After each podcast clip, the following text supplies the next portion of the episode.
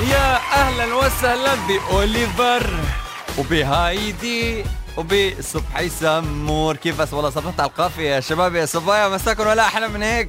يا هلا ومرحب بكل مين عم يسمعنا. عم تسمعوا 99 العربية الموسيقى. اولا كل مين هلا شغل الراديو. من شوي حكيت في قاعدة هيك أنا سمعتها وحبيت اني أصير أتبعها دائما. انه ما في شيء اسمه خسارة. في شيء اسمه أنا بربح أو في شيء اسمه أنا بتعلم. فأنه هيدي بتعطي طاقة إيجابية كثير للواحد. وسألتكم سؤال آه، هل بتخافوا من الخسارة أو بتخافوا من الفشل؟ ففي كم نقطة حبيت أحكي عنهم آه، قريتهم لبعض المختصين عن هذا الموضوع بالذات. قال بيقولوا لك الواحد لما بيخاف من شيء أو شعور الخوف أو شعور من الفشل هو شيء بعقل الإنسان. يعني شيء عقلي أنت بتقدر تتحكم فيه. هي شغلة حلوة. إنه أنا بقدر أتحكم بهذا الإحساس بكل ما تعنيه الكلمة من معنى. بقول لك أول شيء لازم الواحد يسأل حاله طب أنا ليش خايف من الفشل بهذا الموضوع؟ نفرض أنا مخطط لخطة بس ممكن إني أفشل فيها بس أنا خايف إني بلش فيها لأنه أصلا خايف إني أفشل. أنا خايف من الفشل already فلازم الواحد يسأل حاله هيدي الأسئلة. طب وإذا فشلت؟ ومشي الحال عملتها. شو اللي راح يصير؟ راح يصير هيك؟ راح يصير هيك؟ راح يصير هيك؟ طيب شو يعني؟ حاول انه بسط النتيجة وصل لنتيجة الفشل already وفكر فيها إنه طيب شو يعني؟ شو شو راح يصير؟ ما في مشكلة ابدا.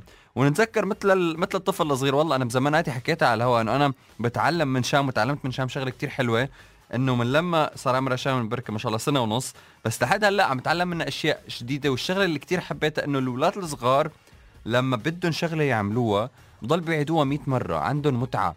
يعني بتستمتع وهي عم تطلع على الدرج وعم توقع. بتستمتع. مع إنه هي عم عم توقع بس عم عم تستمتع. عرفان إنه رح تفشل ما بتقدر لسه صعب عليها بس بتستمتع. مثل أول ما بلشت تمشي كانت تستمتع تيجي توقف على الحيط وتسند حالها وتوقع.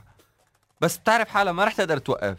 بس معلش عندها متعة بالتجربة. فالواحد لما يفكر بهذا الموضوع إنه أنا خليني أستمتع بالتجربة يا أخي عادي راح أفشل بس في متعة في متعة بالتجربة اللي عم بعملها. هذا الشيء بيعطي للواحد كتير طاقة إيجابية وبخليه عن جد يشتغل بطريقة أحلى وأحلى وأحلى. شغلة ثالثة إنه ما في شيء بيستمر للأبد.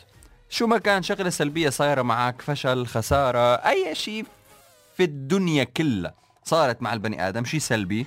تذكر إنه ما في شيء رح يستمر للأبد. أوكي عملت هي الشغلة وفشلت فيها. رح ضل هيك عايش بشكل سلبي للأبد؟ لا فشلت. عادي تعلمت منها. والسلام عليكم. هي مشان أنت يتقبل الواحد كلمة عادي. لأنه أوقات بيكون في حدا بيقول لك أنا زعلان صارت معي شغلة بقوم الشخص الثاني بيقول له خلاص عادي ولا يهمك طول بالك. الشخص الثاني بتوقفك إنه أنت شو عرفك باللي أنا عم بحس فيه؟ أنت بالنسبة لك عادي تقول لي طول بالك. لا مش عادي. لأنه عن جد لازم تطول بالك لأنه هذا الشيء ما راح يستمر للأبد. خلص فشلنا خسرنا بعدين الأمور رح تتحسن وبدأت تتحسن وإجباري رح تتحسن لأنه بعمرها ما دامت لا بالسلب ولا بالإيجاب. فخلاص الأمور حلوة الأمور حلوة كثير.